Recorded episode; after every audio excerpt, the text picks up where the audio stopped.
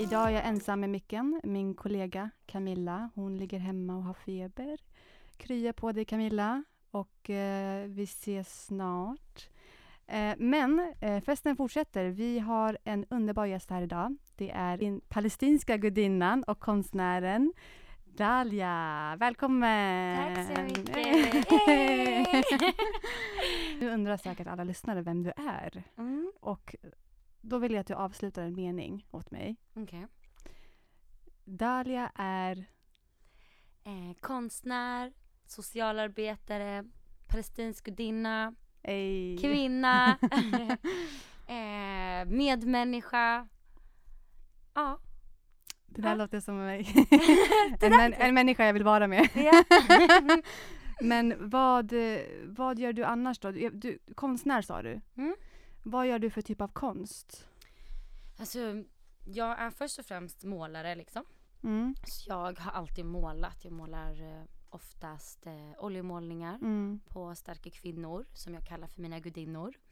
Eh, även som jag kallar dem också för självporträtt för att jag anser att allt som man målar kommer från en själv ju. Mm. Och, eh, och egentligen så är det bara olika former av vad du är. Ja.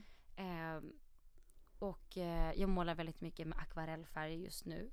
Mm. Eh, som jag tycker är ett kul sätt att experimentera på och leka med färger och bara ha kul. Istället Mm. för att ha ett stort projekt liksom. Bara, Mm. bara leka.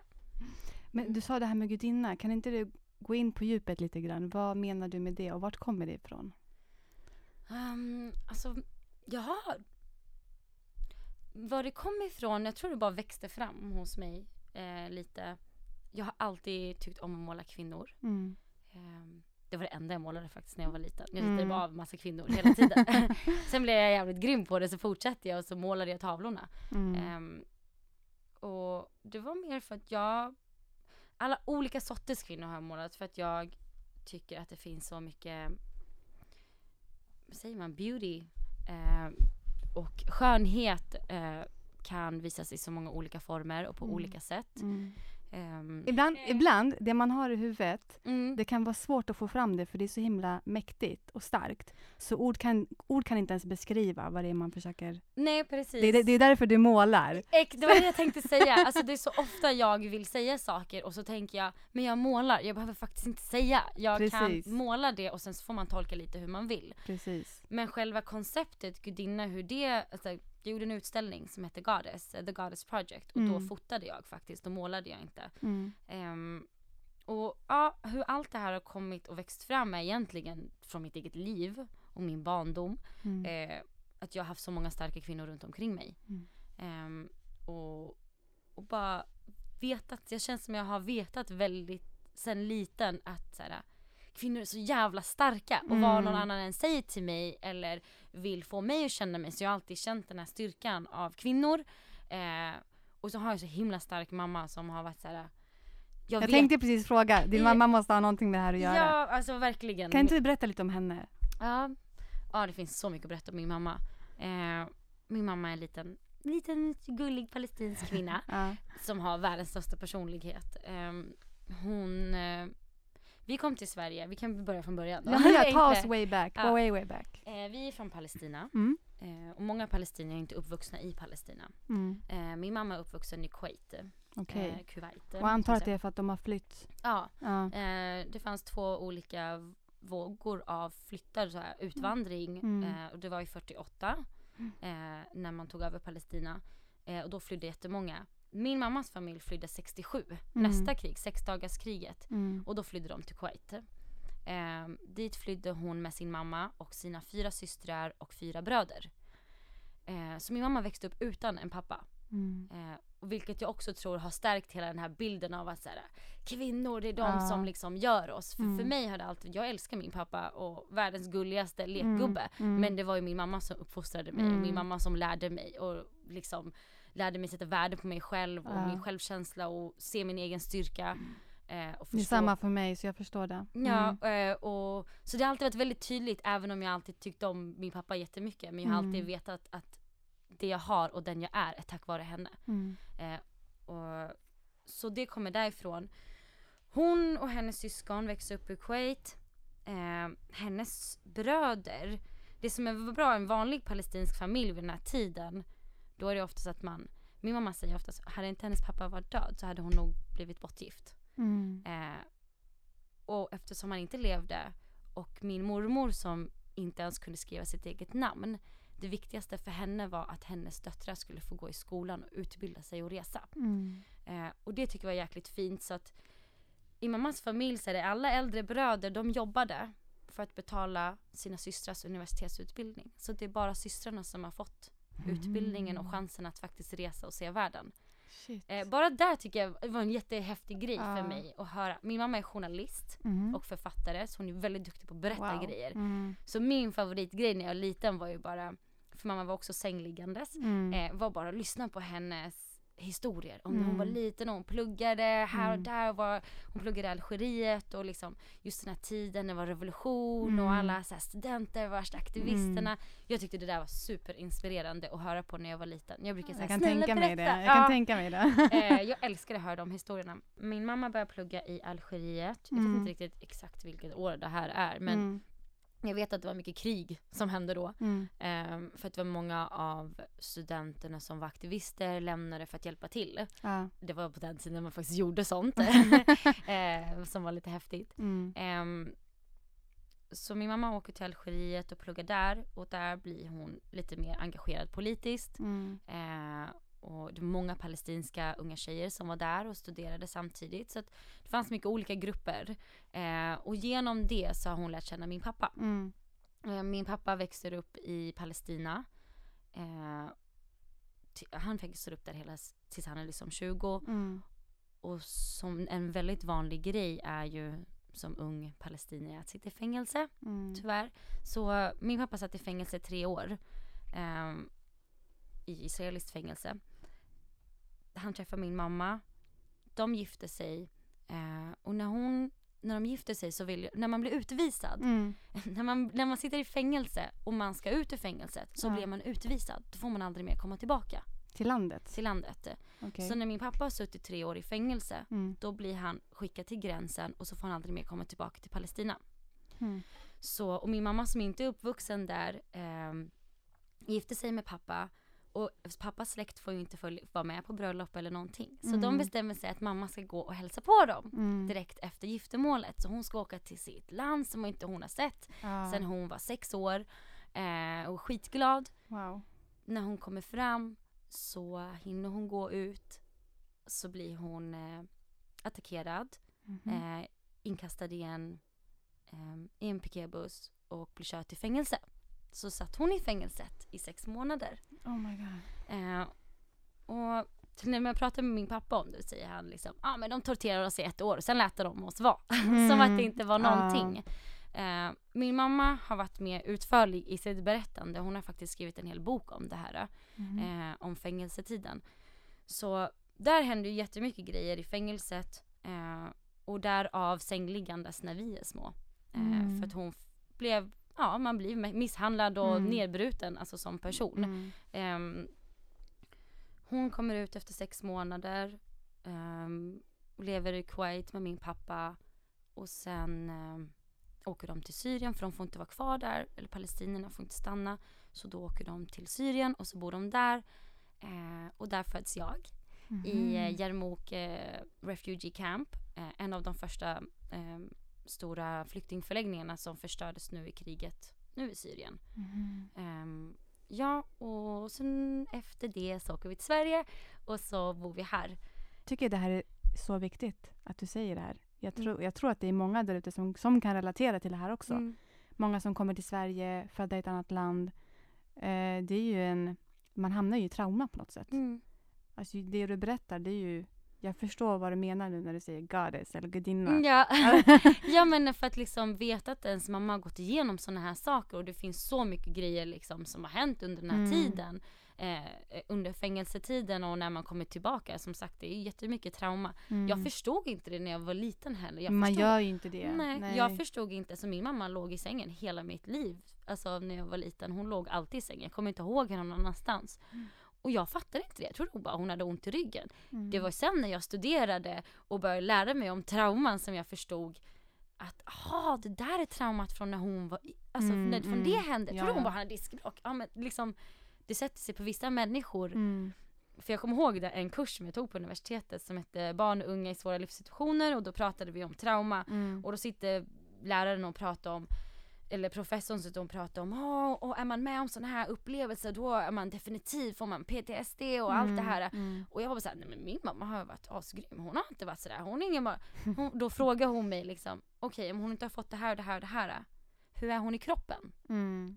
Och då säger jag, men ja hon har ju legat ner hela mitt liv. Hon bara, men Ah. där har du det. Ja. För att kommer det inte i huvudet så kommer det i kroppen liksom. Mm, precis. Men eh, hur känner du att eh, det här påverkar dig? Alltså din, din flykt från Syrien och din mammas och pappas flykt och deras trauman. Och hur, påverkar det, hur, påverkar det, hur påverkar det dig nu i det dagliga livet som du lever? Alltså, det, jag känner att saker kan ta på en väldigt mycket. Man kan ha, man blir väldigt ledsen när man hör mycket saker som händer runt om i världen och om man jobbar eh, som socialarbetare som mig så kan man relatera väldigt mycket till människor Mm. eh, och känna med dem på gott och ont. Mm. Ehm, men jag kommer ihåg när jag var liten och jag var så här äh, skulle alltid försvara för jag hade verkligen det här, mina föräldrar var ju, de var ju väldigt aktiva politiskt så det var så här, vi var på demonstrationer hela Mm, tiden. mm, mm. Hon pratade alltid om Palestina, rättvisa och vi ska hjälpa dem ute i världen som är med om orättvisor, du ska alltid stå upp för alla. Ehm, så jag har, har alltid tagit till mig de här sakerna sedan jag var liten och haft det med mig. Mm. Så att eh, redan som barn så jobbade jag med min mamma i alla kvinnogrupper och var med i Vänsterpartiet och alla, Ja. såhär, alla olika organisationer som hon har varit med och startat och gjort har jag alltid haft med mig. Och Det har varit en lärdom för dig också tror jag. Ja, Även fast du inte visste om det då kanske. precis. Då kunde Mm. jag tycka det var skitjobbigt till och med. Mm. Jag var såhär, men fan jag Följa med på föreningar och Ja, alltså jag orkar och, inte. Men det är ju verkligen det som har format mig till den jag är nu och mina arbeten nu. För nu känner jag att jag är exakt likadan som hon var. Mm, Ja, men jag, Eh. ty- jag tycker det är så kul att du lyfter upp din mamma så mycket. För jag, jag tror att det är många som eh, ser sina mammor som sin liksom, inspirationskälla. Och Mm. jag till exempel, jag beundrar min mamma så mycket. Mm. Och eh, jag kan relatera till mycket det, av det du säger Mm. kring liksom, mammarelationen. Ja. Eh, men jag tänkte gå tillbaka till din konst lite. Mm. Hur kom du in på det här med konst? Vad var det som Mm. fick dig att börja måla? Det är faktiskt också min mamma. Ja. eh, hon var väldigt bra på att fånga upp, eh, fånga upp det som vi var duktiga på när vi var små. Mm. Eh, jag var väldigt livlig, jag kunde aldrig sitta still. Jag fick diagnos redan som åttaåring. Ja. Eh, men jag var alltid väldigt duktig. Eh, jag tyckte om att vara duktig. Mm. Hon lärde mig, det var också det här lite som jag sa, gott och ont, det är också det här duktig flicka. Mm. Palest- arabisk duktig flicka. Ja, men det är finns standard ju, i vår ja, kultur. det Ja. finns ju en ram om hur det ska vara liksom. Mm. Ehm, men det som var med måleriet var att jag var superintresserad, jag har alltid tyckt om att måla sedan dagis. Alltså, Mm. Jag kommer ihåg när jag satt där och alla andra lekte och jag var nej jag vill lära mig rita fötter eller ögon Mm. eller, och blev helt besatt. Mm. Eh, och det såg min mamma. Mm. Så, och hon förstod att när jag målar så är jag faktiskt tyst och lugn. Mm. Och det är typ den enda gången. Ehm, så när jag satt och ritade på bänkarna på skolan så var hon så här: låt henne rita på bänkarna på skolan. För det var alltid någon som ringde och nu stör hon, nu är hon jobbig, nu gör hon det här. Och då kom hon och hon bara, nej men hon är sprallig, ge henne en Mm. penna. Mm. Så är hon tyst, jag lovar. Mm. Och det var faktiskt flera lärare som prövade det och de märkte att det var faktiskt sant. Så där, redan där fick jag det som ett verktyg. ja. Alltså som liten och då förstod jag, oj det är bra att måla för jag blir lugn av det. mm. Eh, eh, och som tur är så har jag haft många vuxna människor runt omkring mig som har sett det här, eh, hört mig och förstått det och låtit mig utveckla det här och Mm. inte sagt nej till mig hela Mm. tiden. Så som man ofta gör för, liksom mot barn ju nu för tiden i skolan. Det är alltid nej, nej, nej, sluta, Ja. spring, Men, var ja, tyst. men som du sa innan, de är så snabba. Alltså jag tycker vuxna ibland är så snabba på att stämpla barn. Ja, Det finns ingenting som heter ett, ett normalt barn. nej. Alltså alla är verkligen på sitt sätt. Alla Mm. är sina karaktärer. Mm. Och eh, jag som jobbar mycket i skolvärlden, jag får se mycket av det här. Och det är Mm. lite så här, lite sorgligt. Supersorgligt. Ett barn får inte ja. vara sig själv på grund av att det inte är normalt. Nej, precis. Så att, ja. Ja men, och där var det så här, jag kunde vara ledsen, jag bara, den här läraren sa det här till mig, eller den här barnet sa det här. Och min mamma var alltid så här, vet du vad, det finns ingen ADHD, det finns ingenting det här. Mm. Du är asgrym som du är. Preach. Och du jag bara saker snabbare än alla andra. Ja. Gör det då! Gör det snabbare än alla andra. Vad är felet med det? Sen Ja. ta det lugnt, rita och var tyst så Ja. låt de andra göra. Nej men lite sådär. Och då var det så här, jag fick sånt självförtroende av henne. Mm. Och självkänslan och så känna sitt värde. Jag har alltid känt mig, min mamma är ingen puttinuttig och gullig så här. Alltså, Nej, nej. Jag vet inte, vi är en arabisk tough familj. love. Ja exakt, Ja. det är ingen så här kram och det är okej. Mm. Det var verkligen så här, du har MVG eller så Älskar dig gumman. Ja, nej alltså, det har jag aldrig hört. Men jag visste alltid, jag har alltid känt mig älskad Ja. av mina föräldrar. Jo, jo. Även om jag inte fick höra de orden hela tiden. Mm. Så visste jag alltid så, om man är sådär sträng och sådär jobbig, Ja, ja. you need to, det, här, det, Men det, grejen är- måste vara kärlek annars är det vara weird. Ja, ja, men grejen är i stunden, Mm. i stunden, då känner man så här, ah, min kompis föräldrar säger det, varför säger Mm. inte de det? Och det, Ja. Man förstår inte det där riktigt. Nej. Sen kanske inte det är den bästa liksom, föräldrarmetoden att använda, men Mm. våra föräldrar visste inte bättre. Nej. Alltså nu har det kommit ut så mycket mer Precis. inspirationskällor och man kan läsa massa böcker om föräldraskap och det finns Mm. seminarier. Och, så det är en helt annan... De gick ju bara efter vad de har lärt sig Ja. liksom. Exakt. Men jag klag, klagar inte alls på min barndom. jag Nej, tycker nej. det var skitbra. Eh, och det här med konsten, jag kommer ihåg när man började bli lite äldre och jag typ såhär, ah, ville vara ute mer, göra andra saker. Det var såhär, du har inte målat. Mm. Nu ska du sätta dig och måla. Min mamma hade väldigt mycket regler. Mm. Eh, man var tvungen att läsa en timme om man ville gå ut. Eh, och du fick bara vara ute två timmar, sen skulle du gå hem och läsa innan du la dig. Eh. Och detta är utöver läxor och sånt här. Men läsa böcker eftersom hon är författare och det är så här. Läser du böcker, då Mm. blir du bra på allting. Och jag Mm. fattade inte då heller. Mm. Det som var bra med mig var att jag tyckte om att läsa. Så jag lyssnade. Jag kommer ihåg mina syskon gjorde världens bråk hela tiden. De sa vad fan. Så här, jag kunde försvinna rätt mycket i sagor så jag tyckte det var kul. Jag, ibland kunde jag inte sluta läsa. Mm. Så jag tyckte det var jätteroligt och där det har hjälpt mig jättemycket i mot mitt måleri. ja. Har jag förstått nu också. Så här, Ja. Fantasin och kunna måla upp bilder i ens huvud och försöka få ner på papper. Det har jag verkligen fått lära mig av böckerna. Och av att hon tvingade oss. Mm. Så hon tvingade mig faktiskt måla ibland när jag inte gjorde det. Och det fick mig att förstå att shit, du måste faktiskt träna, du måste hålla i någonting. Så här, du blir inte bara bra på något. Nej. Du måste faktiskt träna måste på det. kämpa för det. Ja, och så här, på riktigt repetition, repetition, repetition. Mm. Alla säger såhär, hur kan du rita det sådär bra? Jag bara, alltså Mm. jag, jag ritar det hela dagarna. Det vore jävligt konstigt om jag inte vore bra på det nu. alltså, alltså, för jag kommer ihåg, jag bara, färdig, ritar en, kasta, rä- alltså bara fortsätter. Ja. Jag ritade ansikte efter ansikte efter ansikte. Tråkigt nog ville vägrade jag rita någonting annat. Mm. Eh, men jag älskade kvinnliga former och, och man behöver inte vara, jag menar inte att en sorts kvinna ser ut på ett sätt. Nej. Alla sorters former och eh, färger och uttryck av att vara kvinna. Eh, tycker om kroppen väldigt mycket och särskilt den nakna kroppen. Mm. Eh, jag tycker om att måla den. Jag tycker det är så bra med tanke på så många normer som finns kring kvinnans kropp. Att eh, du målar liksom olika former, olika liksom... Alltså det behöver inte vara på ett visst sätt hela Nej. tiden, som många tror. Precis. Men jag tänkte fråga, när, när blev det seriöst med konsten? Och vad gjorde du för att utveckla den? Förutom att du Mm. gjorde det på kvällarna hemma och så när du var yngre. Mm. Men vad hände sen då?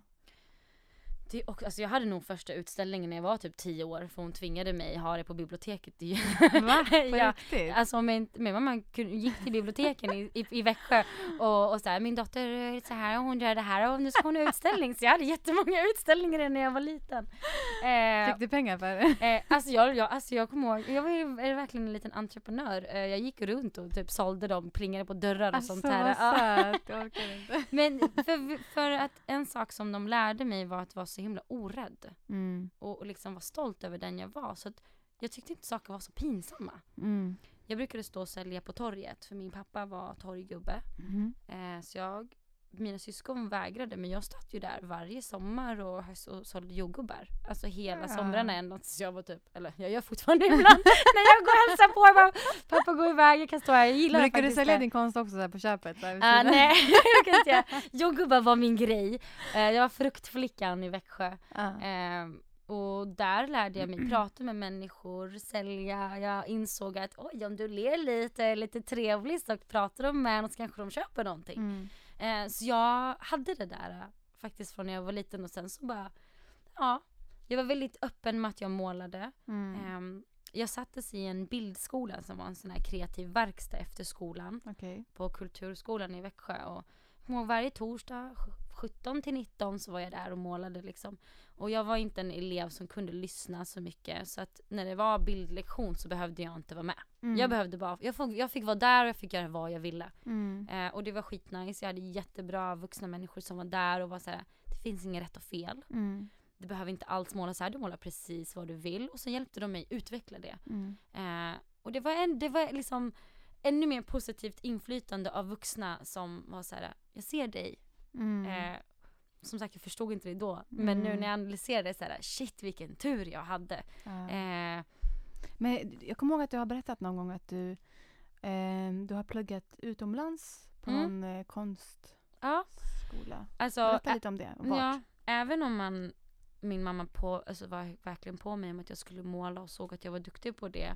Så var det ju inte så att jag fick lära mig att det är ett jobb. Mm. Det är ju fortfarande det är en hobby och du ska bli advokat, läkare eller ingenjör. eh, så måla kan du göra på fritiden. Du kan vara en känd läkare som målar. Mm, så mm. där var hennes plan typ. Mm. Eh, så jag fick ju faktiskt aldrig plugga det eller liksom, jag fick göra det mer på fritiden. Um, sen när jag började gymnasiet så var det så här, jag fick inte välja. Det var de som valde åt mig. Jag gick natur.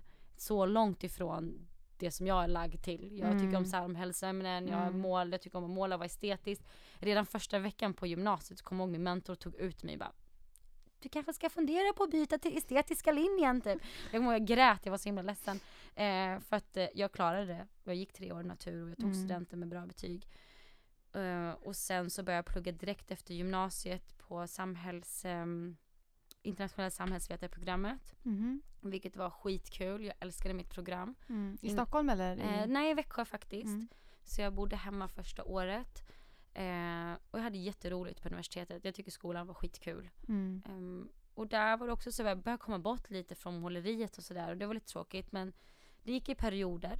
Ehm, och sen ehm, Sen när jag tagit examen så har jag jobbat, så har jag bara målat och så började jag märka att folk ville liksom ha lite tavlor och så Mm. visste de att jag målar så började jag sälja lite här och där. Mm. Ehm, och Sen åkte du till Barcelona? Ja, sen långt senare, för Ja. grejen var så här, jag har alltid drömt om att få plugga konst, jag säger, men det fanns inte riktigt som en riktig sak att man gjorde det, det var mer en dröm. Mm. Jag har inte fått lära mig att det ska vara på riktigt. Mm. Men när jag var färdig med allting och jobbat och pluggat och allt så var jag så här, fan, nu vill jag göra det, det jag vill göra. Mm. Ehm, så jag tog en liten paus från allting och jobbade, jag åkte till min hemstad, jag åkte från Stockholm, jobbade ett år, sparade massa pengar och sen så sökte jag till en skola i Spanien. Så då gick jag på en konstskola eh, i. Barcelona och det var helt underbart. Jag har aldrig känt så mycket människor som är kreativa och så här, konstnärer på, i alla olika sorts former. Folk gjorde eh, foto, musik och film och allt där borta. Eh, Men det är ändå ganska stort steg att liksom bara flytta från allt man egentligen känner igen och till en annan stad mm. och göra det man älskar att göra. Hur var den upplevelsen för dig? Alltså det, det var helt underbart, det var allt som jag önskade mig. Jag Mm. bestämde vad är det jag vill liksom. Jag vill, jag vill träffa människor som är liksinnande. Jag vill träffa människor som, som gör de här sakerna och som har lite samma mål som mig, som fungerar lite mer som mig. Och vara mer fri i en konstnärsmiljö. Mm. Och jag kom till en underbar skola som är väldigt liten, så helt rustikt och fint. Alla eleverna där, det var så här, tjejer som var som mig. Jag har Mm. aldrig träffat tjejer som var som mig. Eh, så det var skitkul. Ehm, och bara få lära mig helt andra saker. Mm. Och få uttrycka mig på mitt sätt. Även om jag tyckte om skola. Mitt sätt är faktiskt egentligen, jag håller på med mina händer och, och inte prata lika mycket. Det är Mm. mer att här, få skapa. Mm. Ehm, och få visa vad jag känner, alltså uttrycka mig på det sättet istället för Ja. verbalt.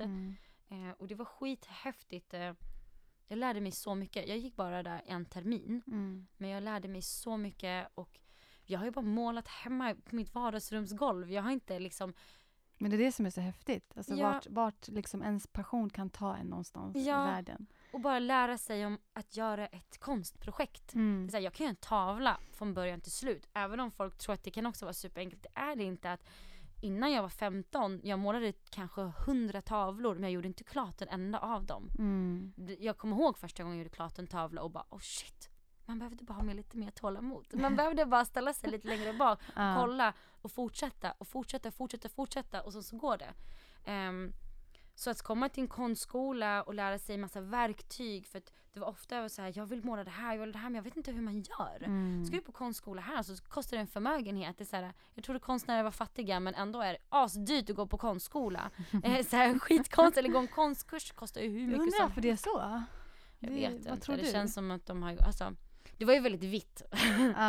Och det var ju skolan där också. Mm. Vi elever var från hela världen men själva, alltså the curriculum, hur säger man? Alltså ledningen eller? Ja, inte bara eller- ledning, alltså själva det vi läste, konsthistorien. Ja. Det, det var ju inte att någonting annat var konst Inte förutom för europeiskt. people of color. Ja. Ja. det var bara Mm. europeiska konstnärer som vi fick lära oss om. Utom Frida Kahlo som de har typ snott. Mm. För hon trodde inte på någonting som man tror på här och så har man typ snott hennes grej. Hela. Det där är så jävla synd alltså. Ja, jag tycker det är jättemånga som Ja, hela he- det hon, hade hon levt hade hon varit jävligt förbannad över hur man använde henne, Ja. tror jag. Ja. Ehm, men konstskola var helt underbart. Jag har vänner för livet från alla olika alltså delar av Mm. världen. Så ditt tips till någon ung eller ja, gammal, spelar ingen roll, någon person där ute som vill eh, åka till något annat land och göra det de älskar att göra. Vad skulle du säga? Alltså definitivt. Det tog mig lång tid att göra det. Eh, men det var verkligen som att så här, jag vet inte vad jag ska men jag måste våga falla. Mm. Det var verkligen så och jag vet inte vad jag kan förvänta mig av det här. Men jag gör en liten plan och sen ser vi vad som händer. Mm. Och det blev allt jag önskade mig och jag lärde mig så mycket. Jag gjorde två stora konstprojekt där som har hjälpt mig. Det var nu nästan tre år sedan jag var där. Mm. Men ändå har jag kunnat använda mig av de konstprojekten jättemycket. Mm. Bara för att få guidning och hjälp i så här, du kan redan det. Mm. Men du behöver lite bekräftelse i att du kan det ibland. Man behöver någon som tror på det. Ja, Ja. och så här, jag åkte dit och bara shit, jag visste inte så att jag kunde så här mycket. Jag trodde inte alls jag var så här duktig och bara insåg att oj, jag, jag, jag kan faktiskt redan lite grejer här som Ja. de pratade om. Ja. Jag kanske inte kan alla ord och definitioner av det, men jag, jag gör det redan hemma. Eh, så det var nice att få ja, lite struktur på det och någon som faktiskt säger, ja men det där var bra, det där ska du jobba mer på. Ehm, Men apropå projekt. Mm. Vad har du för nuvarande projekt? Jag vet att du har en workshop på gång och Mm. sen har du, hade du någon utställning någonstans? Eller ska Ehm, du utställa? Eller? Jag har, just, inte just nu, men, men bara ungefär tre veckor, ja, en månad sedan ungefär så hade Kultur, de är så POC Gallery, Mhm. eh, Art Gallery, ehm, POC för de som inte vet. eh, People of Color. Yes. Eh, så att eh, skitnice initiativ. Mm. Eh, de försökte liksom lyfta upp oss konstnärer som kanske, Mm. jag har ju inte gått på någon konstskola här i Sverige eller något sånt här. Så Mm. jag är väl rätt, alltså säg okänd, nästan alla som jag känner vet att jag målar och jag har varit med i väldigt mycket utställningar och såna här grejer men Ja. jag har ju inte varit en etablerad konstnär från en konstskola som har fått stipendium och grejer liksom. Nej. Så jag var väldigt glad att jag fick vara med. Och det mitt projekt som fick vara med eh, var ju ett väldigt så här eh, i till och med i Barcelona så var det så här oj, ska du verkligen göra det här? Mm. För det jag gjorde var en, jag sydde en burka Mhm. som var genomskinlig och sen satte jag den på mina kompisar Mhm. och så fotade jag dem nakna under. Mhm. Eh, och vi var lite rädda hur folk skulle reagera för att för mig handlar det inte alls om religion, för mig handlar det om kroppen och kvinnan och vad som finns under. Mm. Eh, så jag var lite rädd för hur folk skulle reagera men jag har bara fått så positiv feedback och folk har velat ha med den här utställningen så många gånger så jag är skitglad. Mm. Så jag ställde ut den på Berns 2017 och sen eh, har de varit med nu i Kulturs eh, utställning uppe i Norrland. Häftigt. Ja det var lite häftigt för typ såhär, där uppe, det var lite mer att man ska lyfta upp ja, oss POC artist och det var Mm. lite mer prat om integration tror jag de hade. Jag var inte där. Mm. Eh, Men det du hade väl en, hade inte en utställning i palestinska ambassaden? Jo det Berätta hade om jag. det. Berätta om det. Det var också Och vem träffade du? Ah. eh, det var faktiskt i våras. Och då bestämde jag mig lite för att så här, shit nu har jag haft så många egna events och utställningar, jag orkar typ inte mer. Mm. Så bestämde mig för att, men nu har jag mina konstverk här, om någon vill ställa ut dem då får de fan ringa mig. Ja, men ja. jag orkar liksom inte. Och det var lite kul för bara någon dag senare så ringde de och då var det eh, den palestinska ambassadören, Mhm. eh, en kvinna by the way, Mm. som är asgrym. Eh, som var asgrym. Och hon ringde mig och bara vi har hört om att, för hon var faktiskt på en av mina utställningar på Berns för några år sedan när jag hade mina eh, tavlor, inte fotona. Mm. Så hon såg dem men jag, hon liksom bara var där och kollade som stack hon så jag trodde inte hon var så intresserad. Mm. Men då ringde hon och sa att de ska ha ett stort event på ambassaden och de ska ha tre olika konstnärer, palestinska konstnärer, de vill att jag ska vara en av dem. Mhm. Och det var skitkul och jag blev superglad för jag hade så mycket tavlor och sen så ringer hon mig typ dagen efter och säger att jag kollade på dina tavlor igen och allt är typ naket och vi ska inte ha någonting naket. Okej. Och jag vill inte, alltså jag brukar för för det mesta sätta mig emot dem där men det här är ju deras utställning. Mm. Eh, och de hade liksom ett annat sorts budskap. Och det blev lite jobbigt för mig för att alla mina tavlor har typ ett bröst i alla fall. eller en vagina eller någonting så här undangömt. Eh, ja. Så jag fick gå dit, ja, alltså alltid, det är alltid. Och det är inte för att jag vill prata om sex faktiskt. Folk är såhär, det är faktiskt Nej. bara för att jag tycker det är så himla Bryta normen. Ja, Bryta ja. normen. Och typ bara för att jag vill vara mig själv. Det här jag tycker om att måla. Mm. Eh, Vad, sa, vad svarade du henne? Jag sa bara okej typ och sen så försökte jag, och jag sa ju till henne att det blir väldigt svårt men hon sa men du har säkert massa andra grejer. Så det tråkiga, jag fick ju inte ha med någon av mina tavlor. Mm. Jag hade ju ingenting förutom så lite teckningar och vattenfärgsgrejer som är på papper. Mhm. Så jag typ satt hemma och försökte sortera vad som var naket och inte naket. Ja. Och sen så fick jag ihop några och så tänkte jag så här, för vissa är det så här gömt, det, typ så här, det ser ut som en fin grön buske men egentligen kommer man noga så är det så här hidden vagina. Så, så, så jag trodde jag kunde typ lura Så dem Illuminati lite. Fast såhär uh, body parts. Ja. Ja.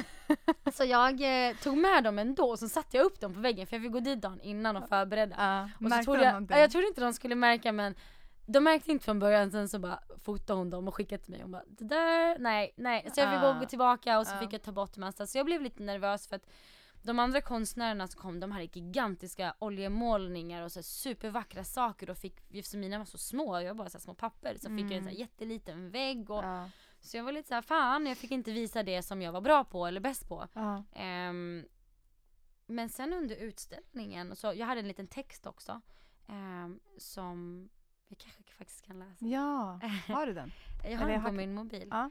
Eh, jag hade en text. Ja. ehm, så jag hade lite bilder. Mm. Och sen så hade jag foton på ett av mina projekt som jag gjorde i Barcelona. Mm. Och, som heter Crossing Borders Crushing Walls. Mhm. Och det jag gjorde under det projektet var att under 24 timmar så byggde jag en cementvägg. Mm. Ehm, och jag målade den eh, som ett fönster ut till universum. Wow. Och så läste jag en text till det. Mm. Så det var min presentation i Barcelona. Så nu fotade jag liksom hela upp- uppbyggnaden av det här eh, och så skrev jag en text till det. Mm. Eh, och det som var så häftigt var att de, liksom, de kollade på alla de stora mäktiga tavlorna och sen så fortsatte de gå och sen så stod de vid mina saker och så stod de där. Och de stod där så länge. Mhm. Och, och du vet jag sitter och pillar, jag målar väldigt mycket pricktavlor, så här, väldigt minismå detaljer. Så folk stod där jättelänge och hade så mycket frågor. Och sen när folk läste texterna så kom folk fram och kramade mig och var helt glada och jag, Wow. jag förstod inte vad det innebar eh, förrän då. Jag var oj, är det så många som kan relatera till det här? Mm. Och sen så ser jag så här en blond kvinna stå och kolla på mina grejer. Ja. Och sen så vänder hon sig om och bara, är det du? Och då ser jag att det är Margot Wallström. Och, det är så här, ah! Och för mig är det så här, jag har inte. Ja men Mm. inte bara det, alltså som det kan vara vem som helst, det var flera viktiga människor där. Men hon för mig är en människa som vågar stå upp för det hon tror på. Mm. Och skiter i om folk tycker om det eller inte, eller om hon är poppis eller inte, hon gör det ändå. Eh, och för mig är det hela den här grejen med Palestina, jag vet inte om folk vet, men hon är ju en av de första svenskarna som har erkänt Palestina Mm. och stått så här fast vid det. Mm. Eh, och så hon är ju inte alls älskad av israeliska eh, myndigheter och så vidare, whatever. Mm. Mm. Eh, det är helt andra grejer. Men eh, för mig var det såhär, oj det är hon, och hon bara kollade på mig och kramade mig. Nej vad kul. och vi blev så här, vi hade så långa diskussioner och hon älskade min konst och var så, här, så kul. Mm. Ehm, och sen när det är dags för presentation, de ska prata om eventet, så pratar ambassadören, så pratar ehm, utrikesministern. ehm, och så ska vi få presentera oss. Men det var inte vi som presenterade utan det är ambassadören som presenterar. Så ska hon berätta vad jag jobbar men hon kan inte säga det på svenska. Mhm. Så hon ger mig mikrofonen. Ja. Och då säger jag att jag jobbar som ungdomscoach på Stadsmissionen för det är där jag jobbar eh, Mm. när jag inte målar. Ja. eh, och då bara springer hon fram till mig och bara kramar mig och bara Åh, jobbar du där? Hon bara, kan inte jag få komma till dig på jobbet? Alltså, Och jag bara, ja! så det var så kul att hon var intresserad av vad det jag gjorde. Jag gör ju lite så kreativa workshops Mm. ehm, på Stadsmissionen där jag målar med ungdomarna och de Mm. ensamkommande. Mm. Hon tyckte det var superintressant. Ehm, och ville komma och kolla. Nu har hon inte gjort det ännu men vi Mm. håller på och mejlar och håller på så här, så att det kommer hända någon gång Men vad höst. kul alltså. Det där händer ju liksom en på miljonen, alltså på riktigt. Ja för mig var det superfint i alla fall för att inte bara, jag målar ju inte bara, för mig handlar det om känslan av att måla och processen och hur det kan hjälpa en. Som, Mm. som det hjälpte mig i livet, jag kunde bli lugn, jag kunde, det hjälpte mig verkligen att bli bra i skolan, det hjälpte mig vara en bättre vän, Mm. det hjälpte mig vara en bättre människa, vara lugn, det hjälpte mig strukturera mina tankar eh, och, och saker som jag ville göra.